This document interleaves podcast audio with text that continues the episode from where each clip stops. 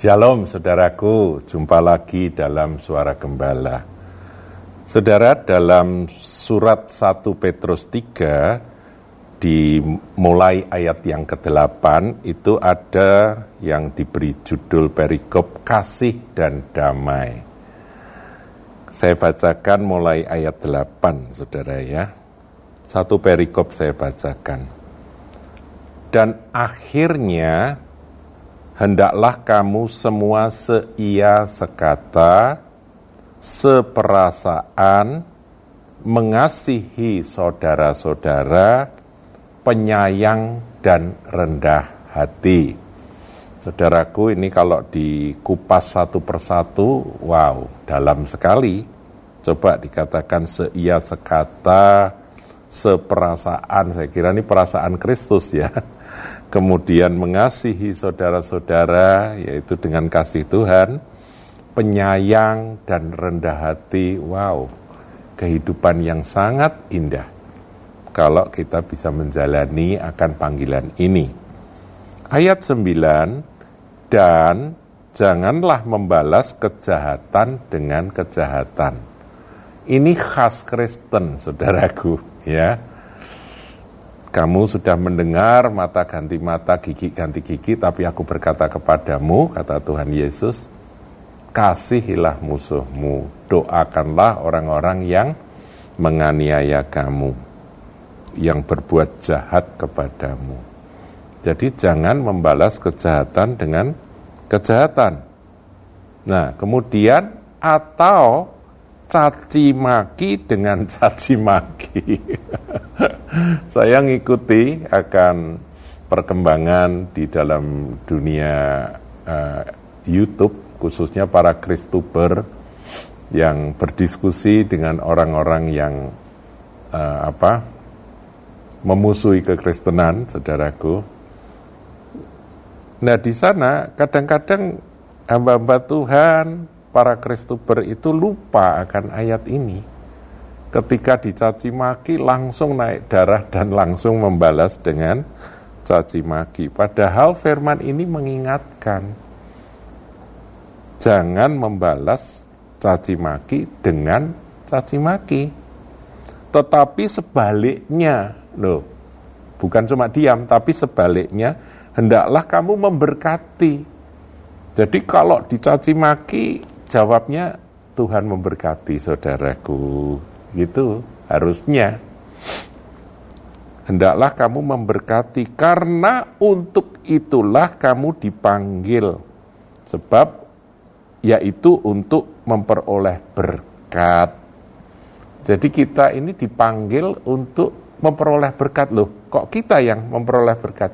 Jadi rupa-rupanya ada hukum Tuhan ketika kita melakukan akan apa yang menjadi peraturan firman Tuhan ini, kita menjadi orang-orang penyayang dan menjadi orang-orang yang tidak sombong tapi rendah hati, tidak membalas kejahatan dengan kejahatan, tapi sebaliknya membalas kejahatan dengan kebaikan. Ketika dicaci, tidak membalas dengan caci maki, tapi sebaliknya memberkati, maka berkat-berkat itu akan kembali kepada kita. Jadi saudaraku, kalau ada firman yang berkata hidup mati dikuasai oleh lidah, orang mencaci itu kan dengan lidah ya. Hidup mati dikuasai oleh lidah, siapa suka menggemakannya, dia akan memakan buahnya. Menggemakan itu kan berarti kalau kita meneriakkan satu patah kata, gemanya itu akan kembali. Kita dengar kembali, ya kan? Jadi kalau kita teriak kata-kata berkat, berkat Tuhan atasmu, itu suaranya menggema, berkat Tuhan atasmu, kembali kepada kita. Makanya di sini Rasul Petrus di ayat 9, sudah perhatikan bagian terakhir, hendaklah kamu memberkati karena untuk itulah kamu dipanggil yaitu untuk memperoleh berkat. Nah, ayat berikutnya merupakan nasihat yang oleh Petrus diambil dari uh, kitab Mazmur pasal 34 ayat yang 13 17 nanti Saudara bisa lihat sendiri. Dia sitir itu siapa yang mau mencintai hidup dan mau melihat hari-hari baik, saudara mencintai hidup, dan mau melihat hari-hari baik, jadi setiap hari kita akan melihat kebaikan-kebaikan, kebaikan Tuhan, saudaraku ya, yang dinyatakan dalam hidup kita. Bukankah yang mengatur dan mengontrol segala sesuatu di alam semesta itu adalah dia, Bapak kita yang kita kasihi, di dalam Tuhan Yesus Kristus. Nah, kita kalau ngerti itu, maka ini aturannya ia harus menjaga lidahnya terhadap yang jahat. Saudaraku, lidah itu bisa jahat loh. Ya, mencaci maki itu jahat. Itu harusnya jadi pantangan bagi orang-orang yang sudah dalam Kristus. Kalau Anda, saya sudah ditebus, dijauhkan kiranya bibir mulut kita dari caci maki.